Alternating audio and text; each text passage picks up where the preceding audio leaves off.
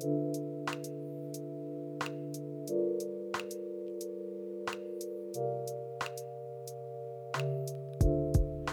datang para anak rantau di media Ministry IF Manila. Kamu-kamu akan disuguhi oleh ulasan menarik seputar anak muda, kerohanian, dan realita zaman now yang semoga dapat menambah wawasan dalam iman Kristen kita. Welcome to IF Podcast. Oke, jadi kembali lagi para anak rantau.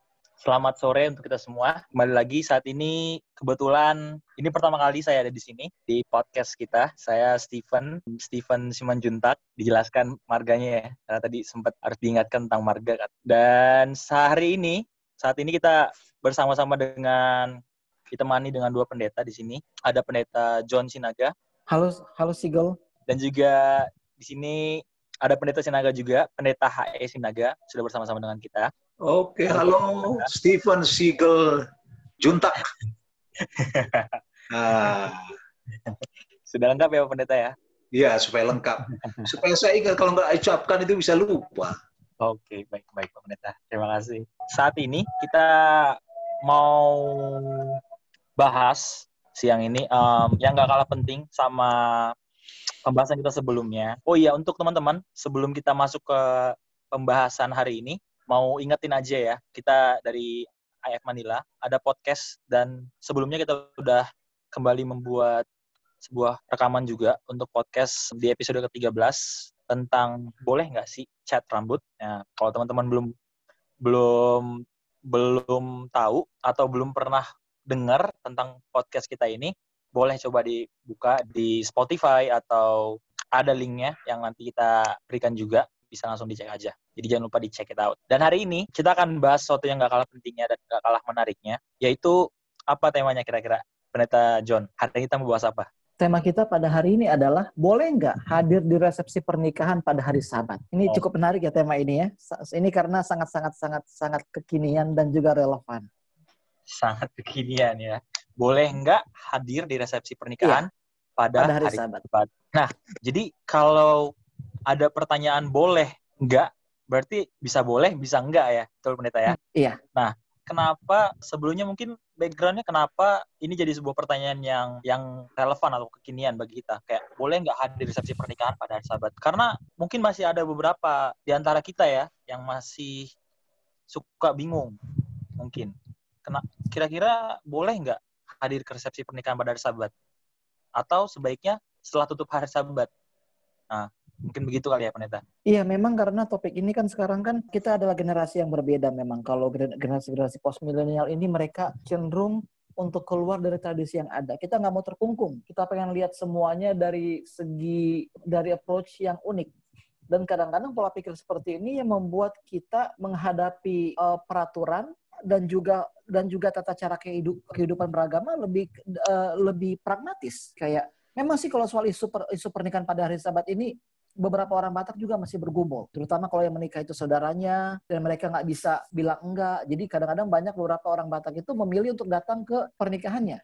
Bukan saja orang Batak, tapi beberapa orang juga dari suku-suku lain. Tapi kalau anak-anak postmodern ini biasanya yang dari yang saya sudah saya sudah lihat ya, banyak anak-anak muda yang merasa bahwa ke acara pernikahan dari sahabat itu nggak ada masalah. Terutama kalau misalnya pemberkatan. Karena bagi mereka, well itu pemberkatan kok. Ada khotbah, ada kebaktian. Jadi em, apa salahnya? Toh kita juga berbakti kok, sama-sama kok yang disembah Tuhan Yesus. Kenapa harus dilarang? Jadi pertanyaan-pertanyaan inilah yang membuat mengapa topik ini adalah satu keharusan yang yang perlu dan wajib untuk didiskusikan. Oke, Ya. cukup Nah, menarik ya. Ya, dan ini juga masalahnya bukan hanya di tentang resepsi saja, banyak contohnya kayak ulang tahun, bridal shower. Oke, jadi beberapa orang bilang, "Oh, saya sabatnya di gereja, pagi eh, siangnya di gereja, paginya sampai khotbah. Tapi setelah itu saya berhak dong untuk ke mana pun saya pergi. Yang penting kan saya sudah beribadah. Jadi inilah kondisi yang terjadi pada zaman ini. Oke, terima kasih Pendeta John tanggapannya. Iya ya, kenapa cukup menarik? Karena memang ini realita yang terjadi. Kayak yang tadi Pendeta John bilang, ada yang berpikir, oh sama aja kok kalau kita pergi ke pemberkatan, ada juga lagu pujian di sana, ada juga khotbah di sana. Semuanya hampir lengkap, hampir lengkap. Jadi kalau toh saya pergi hari Sabat, tidak ada bedanya kalau saya pergi ke gereja. Betul begitu ya pendeta ya. Tapi kalau untuk pengalaman, kira-kira pendeta John atau mungkin pendeta HE, apakah punya pengalaman yang seperti ini? Kira-kira karena kebetulan orang Batak tadi yang sempat disinggung ya sama pendeta John, walaupun masih ada juga suku-suku yang lain yang mungkin masih mempunyai budaya yang sangat erat seperti itu gitu. Kita bukan mendiskredit, mendiskreditkan suku-suku yang lain, namun ini realita yang sering terjadi di sekitar kita, gitu ya, kira-kira. Kalau saya secara pribadi mungkin pengalaman yang paling jelas itu setiap kali saya pernah berkunjung ke, ke beberapa gereja. Dan dalam beberapa gereja ini setiap kali saya membawa seminar tentang budaya, satu hal yang mereka selalu tanya adalah boleh nggak ke pesta hari Sabat? Nah itu itu selalu yang, di, yang dikatakan berulang-ulang pertanyaan ini. Pertanyaan seperti ini ya? Iya. Oke, kalau untuk pendeta HE Sinaga, kira-kira bagaimana tanggapannya pendeta? Kalau saya ya selama di Indonesia dulu nggak pernah menghadapi karena mereka sudah jelas kita sudah posisi kita sudah jelas sahabat enggak.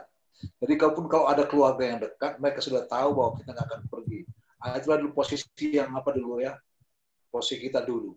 Di Filipina seperti nggak ada masalah. Jadi menghadapi seperti ini hampir-hampir nggak ada lah. Tapi okay. ada juga anggota yang tanyakan soal pemakaman hari Sabat. Nah, itu lagi yang lain itu. Bagaimana nggak kalau hari Sabat dimakamkan? Nah, itu nanti topik yang lain lah. Topik yang lain Pak Pendeta ya. Nah, jadi kebetulan Pendeta ada beberapa artikel kebetulan di UK. Jadi ada katanya orang Advent yang berpartisipasi atau hadir dalam royal wedding Pangeran um, Harry dan Meghan ya. Kira-kira bagaimana tanggapan kita untuk untuk hal ini? Kalau kita lihat dari secara budaya dan juga mungkin menjadi sebuah keharusan pada saat itu. Mungkin dia punya posisi atau mungkin dia bagian dari kerajaan. Nah, kira-kira bagaimana pendeta? Tanggapan seperti itu. Kelihatannya tadi itu kalau royal wedding, kita pergi ke situ kenapa?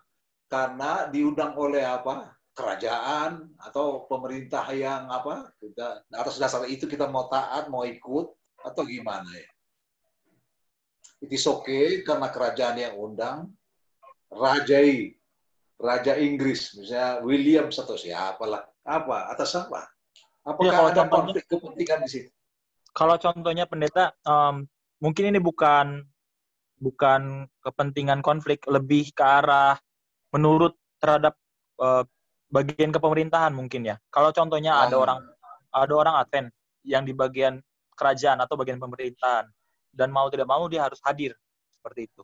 Iya ya bagaimana ya Alkitab katakan kita harus lebih menurut kepada Allah daripada kepada manusia. Lalu ini menurut kepada Allah itu apa alasannya? Ya kan kan semua ada ada alasannya. Mungkin kita perlu bertanya dulu, mengapa Allah berikan hari Sabat itu ya kepada kita? Apa? Apakah itu penting atau kurang penting? Ataukah hanya share waktu boleh aja? Gimana? Jadi saya pikir itu ini soal sahabat ini sangat penting karena sahabat itu sudah ada dari permulaan dan nanti sampai kepada akhir dunia ini. Bukan hanya di surga juga sahabat. Jadi begitu penting itu sahabat. Jadi ini peringatan, peringatan kepada pada pada penciptaan, peringatan kepada Allah, mengingat Allah dan Alkitab memberikan banyak petunjuk bagaimana kita untuk memelihara sahabat. Apakah oke okay kita gunakan waktu kita sebagian sahabat itu ya. Sebab nggak semua sih ya kita tak berbakti, tapi kasih juga waktu untuk apa? Ini sahabat ini Tuhan berikan dengan beberapa tujuan. Yang pertama adalah supaya kita ingat bahwa pusat utama kehidupan kita adalah Allah. Ya kan? Pusat utama kehidupan kita adalah Allah. Yang kedua adalah bahwa Allah lah yang menyediakan segala sesuatu. Enam hari lamanya dalam dia langit dari dan bumi dan hari yang ketujuh dia berhenti. Yang ketiga adalah Allah mengingatkan kita bahwa Allah menyediakan keselamatan. Itu makanya dari sejak bangsa Israel itu diingatkan kembali, kamu dulu hamba, tapi sekarang kamu lepaskan. Jangan juga oleh pada hari sabat itu jadi kita hamba manusia lagi kan. Kita punya kebebasan di dalam Tuhan. Jadi perintah-perintah itu jangan dianggap sebagai satu beban tapi sebagai satu kebebasan kita memilih. kita juga nggak bisa mau dikte orang. Paling tidak kita bisa memberikan konsep-konsep prinsipnya dan masing-masing akan menentukan mana pilihannya. Mungkin saya katakan itu, ya memang hari Sabat itu memang hari istimewa, ya. Allah dalam kejadian pasal 22 dalam buku pertama dalam Alkitab langsung bicarakan soal Sabat itu. Allah menjadikan langit dan bumi, lalu dia menguruskannya. Menguruskannya artinya membuat hari itu lain daripada hari yang lain. Hari yang tidak biasa. Lalu memberikan memberkati, memberikan berkat-berkatnya ke sana dan beristirahat. Beristirahat dari semua kegiatan-kegiatan rutin, ya kegiatan normal. Eh, tapi ini juga nggak rutin ya. Ini ke sesuatu yang istimewa. Apakah nggak bisa seperti hari Sabat ya? Kita ikut di sana ya. Ini kan spesial. Ada royal wedding ini ya. Tapi saya pikir hari Sabat kalau kita baca Alkitab, hari Sabat itu beda daripada yang lain karena kita fokus kepada Allah. Pertanyaan saya, apa kita bisa fokus kepada Allah pada hari Sabat itu kalau kita ada di sana? Apakah akan ada disruption yang dapat mengganggu kita? Mengganggu hubungan kita dengan Tuhan kan begitu. Karena hari Sabat itu dipelihara sehari penuh itu. Rest. Tapi bukan hanya istirahat tidur-tidur. Tapi beristirahat untuk membuat Allah menjadi fokus kita. Nah, itu fokus. Apakah saya akan, apakah hubungan saya dengan Allah itu akan ada disruption-nya, gangguannya dengan dengan hadir pada pernikahan? Saya pikir itulah. Baik, terima kasih pendeta atas penjelasannya. Itu kita sama-sama cukup menarik ya. Itu mungkin sedikit latar belakang diingatkan kembali kepada kita review mengenai tentang hari Sabat. Nah, ini kembali ke pengalaman pendeta. Saya ada terima beberapa, saya sempat buat survei kecil-kecilan untuk beberapa teman saya. Jadi kayak kalau mereka mau bertanya tentang topik kita hari ini, jadi uh, silakan gitu. Dan saya ada terima beberapa pertanyaan. Pertanyaannya seperti ini, pendeta. Ini cukup menarik. Karena dibilang seperti ini. Yang kita bahas kan boleh nggak hadir di resepsi pernikahan pada hari Sabat. Nah ini kan kalau resepsi. Nah jadi bagaimana dengan pemberkatan? Ada pertanyaan ta uh, tambahan seperti ini. Bagaimana dengan pemberkatan saja? Apakah tetap salah? Karena ini cukup menarik. Mereka bilang seperti ini. Pada awalnya dari sejak Taman Eden ada dua lembaga atau institusi suci yang Tuhan sudah ciptakan. Betul ya pendeta ya? Jadi ya. ada dua lembaga suci yang sudah Tuhan ciptakan dan Tuhan ciptakan pernikahan atau ada pasangan itu sebelum hari Sabat, dibilang seperti itu. Jadi dua-duanya sama-sama penting sebetulnya dari sejak Taman Eden. Apakah salah kalau um, mungkin hanya pemberkatan? Karena Tuhan juga memberkati pernikahan, dibilang seperti itu. Bagaimana kira-kira pendeta? mengenai pertanyaan dari beberapa ya. pendengar kita. Bagus sekali pertanyaan ini. Jadi ada aspek rohaninya di sana ya, pemberkatan nikah. It's okay. Iya, saya pikir pernikahan kan kudus. Tapi sekarang ini pernikahan itu berkembang. Kalau dulu udah ada resepsi, udah ada apa-apa. Ya kan? Sekarang kan ada lagi yang lain, ada resepsi, ada apa semuanya. Jadi ini yang perlu mungkin kita pilih-pilih mana. Saya pikir kalau seandainya itu pernikahan itu di gereja saja, kan itu hari Sabat itu kan mengingat Allah kan bagi apalagi pasangan-pasangan wah ingatkan kembali Allah sudah menyatukan mereka dalam pernikahan saya pikir bagus tapi apakah memang itu saja yang lainnya kan ada biasanya setelah tadi tadi pertanyaan itu bagus ya pergi ke ke pemberkatan kelihatannya sudah ada itu sudah ada bisa memisahkan itu ini sudah memisahkan yang beda satu ini yang rohani ada ini yang sosial ya. Jadi kalau hanya itu saja saya pikir oke. Okay. Ini menurut pendapat saya ya. Iya Pak Pendeta. Tapi tidak tahu yang lain. Bagaimana? Oke, okay. untuk pendeta John bagaimana? Berarti kalau dari pendeta Haya Sinaga untuk pemberkatan saja dari sahabat mungkin oke okay ya? Iya. Pendeta ya. Bagaimana dengan pendeta John kira-kira? Well, justru aku mau nanya sih. Jadi kalau misalnya uh, tadi kan kata kata pendeta Sinaga kan kalau untuk pemberkatan aja oke okay, kan. Jadi kalau gimana untuk orang Advent yang mengadakan pemberkatan aja di hari Sabat? Iya, dan resepsinya mungkin di hari yang lain atau malamnya seperti itu ya. Ah, ini pertanyaan apakah hanya pemberkatan aja? Ini bagi pelaksananya ya.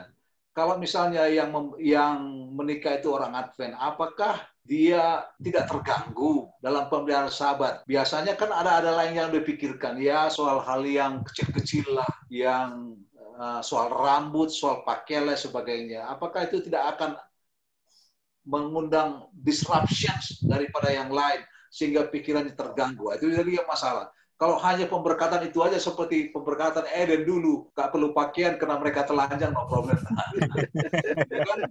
nah, ini sekarang sudah gak ber, sudah berpakaian dia. Nah, nah, Kalau katakan dia, ya, ah ini pernikahan ini ya seperti di edit katanya. Kita nggak nggak pakai pakaian apa-apa. ah, mungkin juga nggak mengganggu juga ya sahabat ya. Berarti kalau pernikahannya simple tanpa semua pernak-pernik bisa di, bisa Hmm. dipertimbangkan ya Pak Pendeta ya. Iyalah saya pikir lah. Hmm. Saya pikir karena karena itu ya sel- memang kalau kita selamanya fokus kepada Allah, sabar itu kan supaya kita fokus ingat Allah. Allah menjadikan semuanya. Mungkin untuk untuk pasangan yang itu Allah yang sudah mempersatukan, saya pikir bagus. Tapi hal-hal yang lain inilah ya, yang mungkin yang mungkin ya. Iya sih. Dan memang kayak pesta pernikahan itu cenderung fokusnya lebih ke arah kayak penampilan daripada Oh iya, kerohanian. ah, ah, itu lagi penampilan. Di beberapa Oke. pernikahan kadang-kadang lebih banyak lagu, lebih lebih lama lagunya daripada khotbahnya. Iya. Oke, mungkin ada satu pertanyaan lagi ya sebelum kita masuk ke pembahasan um, lebih detail lagi di dalamnya. Karena ini berhubung tadi kita ngomong soal kembali lagi ya untuk orang Batak. Nah, jadi dibilang seperti ini. Kalau misalnya, bagaimana kalau contohnya ada orang tua saya bagian dari raja adat itu menjadi sebuah dilema katanya karena kalau ada contoh satu marga saya mungkin kurang paham ya untuk untuk untuk hal ini tapi dibilang seperti kurang eh, kalau ada satu marga dan juga papanya ini raja adat mau tidak mau dia harus hadir. Contohnya tulangnya dia dia bagian tulangnya atau contohnya raja adat yang memang harus ada. Sama seperti kasusnya di pangeran Harry tadi ya. Jadi mau tidak mau karena dia bagian dari pemerintahan harus hadir seperti itu. Kira-kira apakah bisa menjadi sebuah reason apakah bisa sebagai reasonable untuk hadir di tempat itu? Kira-kira bagaimana pendeta? Aneh. Prinsip Alkitab kan ingat lakukanlah sahabat. Kan?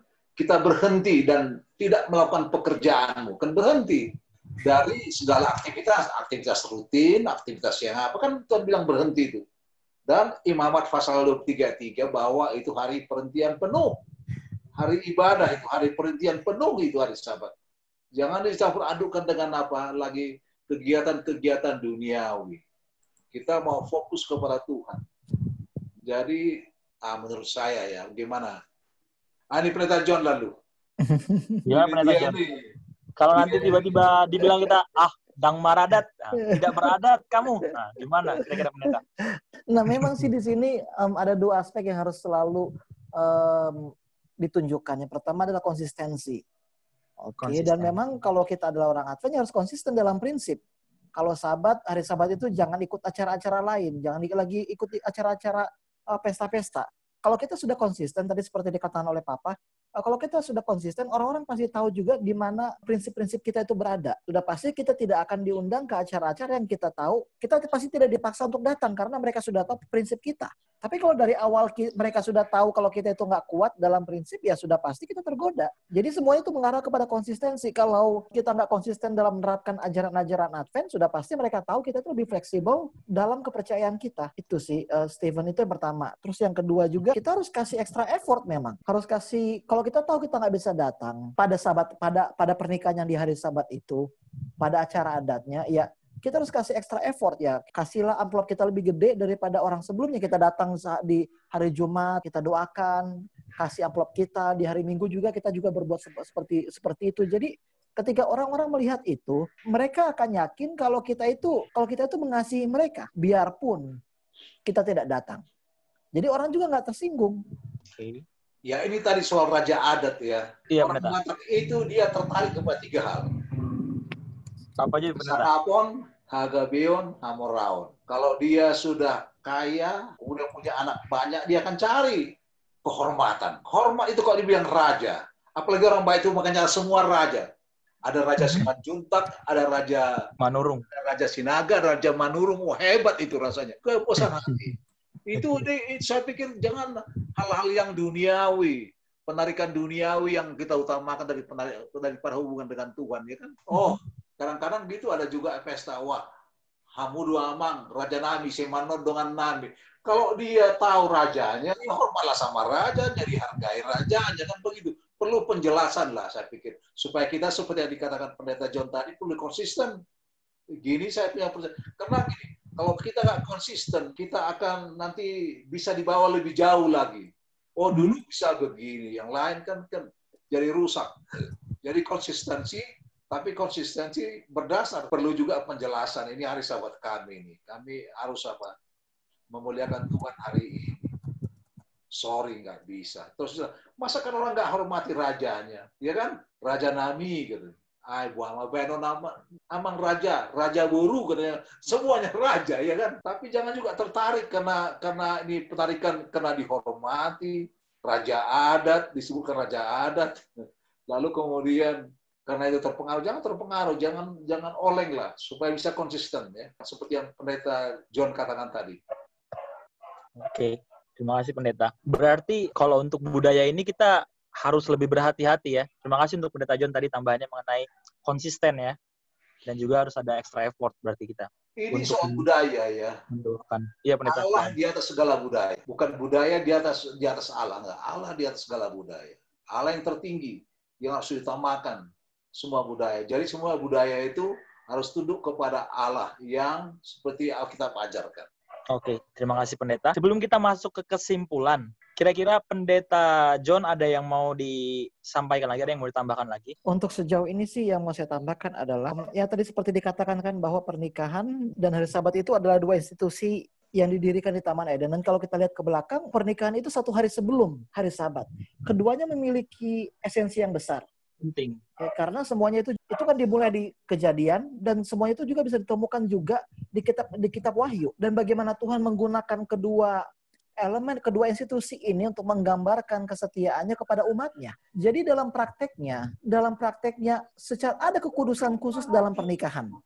Tapi kekudusan ini sering kali tercemari dengan nilai-nilai sekuler yang masuk dalam konsep pernikahan itu. Dan inilah yang kita yang yang membuat kita harus lebih hati-hati lagi bukan karena pernikahan itu kudus jadi itu bisa juga diadakan di hari sabat. Kita harus waspadai unsur-unsur sekuler ini. Tadi kan dikatakan oleh Pak Pendeta Hai Sinaga kalau selama kita bisa membuat itu sederhana dan juga uh, God center itu bisa kok. It's okay ya. Tapi, tapi mau nggak kita lepas gengsi kita untuk berbuat demikian?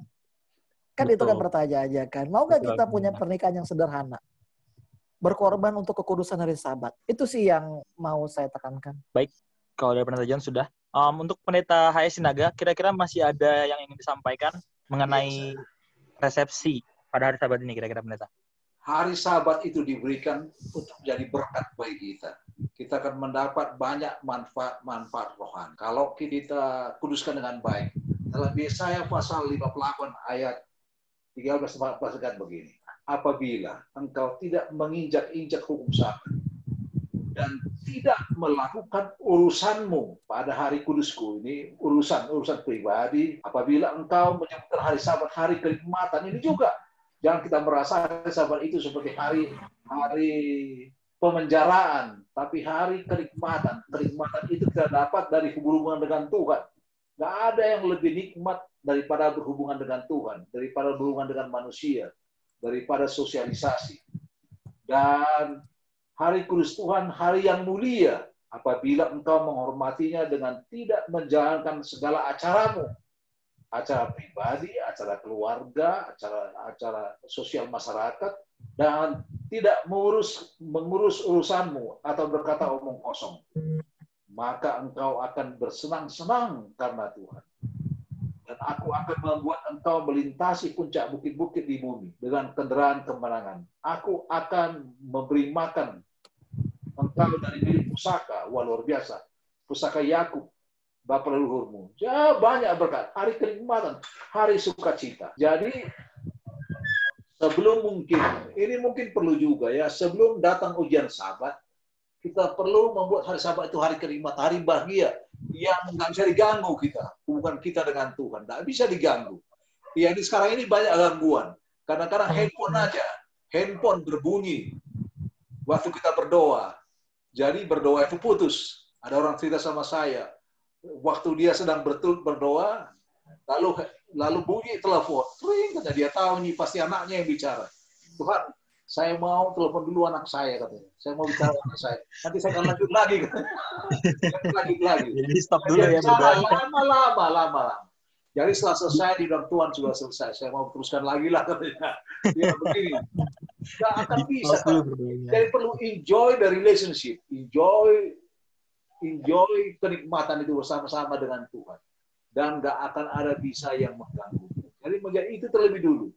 Kalau pengalaman itu tidak ada, apa saja godaan akan muka datang. Ya jadi itu perlu.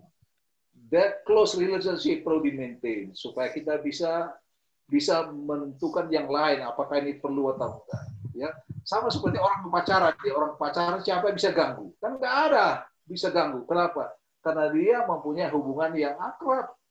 Ah nantilah dulu katanya kan kenapa? Dia punya hubungan. Jadi ini saya pikir proteksi untuk semuanya. Do I have a close relationship with God kan begitu ya gimana jadi jadikan hari kenikmatan tapi hari kenikmatan itu bukan kenikmatan pribadi tapi kenikmatan bersama dengan Tuhan. Nah itu bagaimana? Sudahkah kita merasakan pengalaman itu?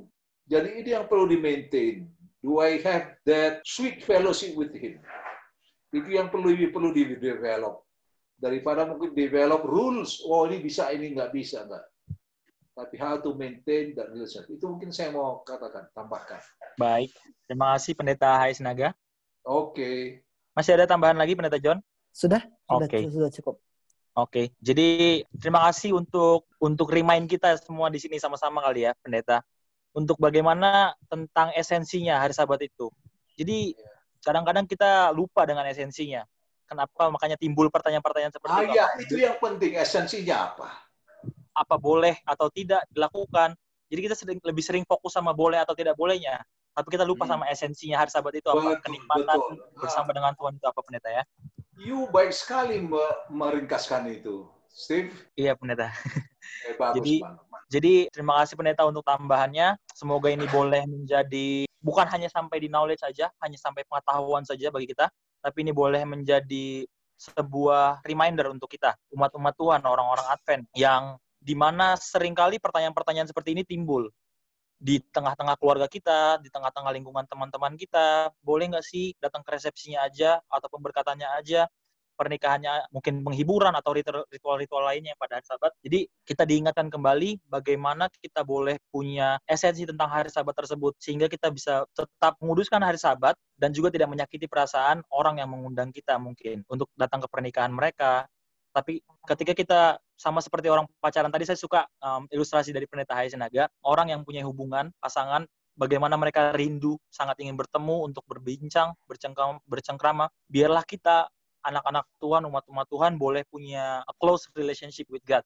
Sama seperti itu ya, yang hubungan pribadi, pengalaman bersama dengan Tuhan yang sangat erat. Sehingga ketika timbul pertanyaan-pertanyaan tersebut, boleh nggak kita hadir di resepsi atau pertanyaan-pertanyaan yang lainnya yang berhubungan dengan hari sabat. Karena kita sudah punya esensinya tadi kita sudah punya prinsipnya tadi tidak ada lagi kata keraguan untuk boleh oh mungkin saya boleh datang atau oh, mungkin saya tidak boleh datang seperti itu. Jadi terima kasih untuk diskusi kita hari ini. Biarlah kita boleh semakin bijak lagi kita boleh tetap mengingat prinsip dan esensi tentang hari sabat sehingga kita boleh semakin mengenal siapa Tuhan kita dan tidak terdistraksi dengan hal-hal yang mungkin kelihatannya ambigu atau ada di garis abu seperti ini ya. Oh iya. Terima Iya. kasih Pendeta Sinaga sudah ikut. Terima kasih Terima semuanya. Terima kasih Sigel. Saya mau ingatkan untuk teman-teman yang mendengar di sana, jangan lupa terus pantengin, terus ikuti IF Manila podcast kita ini karena ada banyak pertanyaan-pertanyaan menarik dan juga pembahasan-pembahasan menarik seputar realita orang-orang muda atau hal-hal yang berhubungan dengan kehidupan kita sehari-hari. Jadi terus ikuti podcast IF Manila supaya kita boleh tetap menjadi berkat dan juga menjadi saluran berkat untuk orang-orang lain di sekitar kita. Kiranya Tuhan berkati.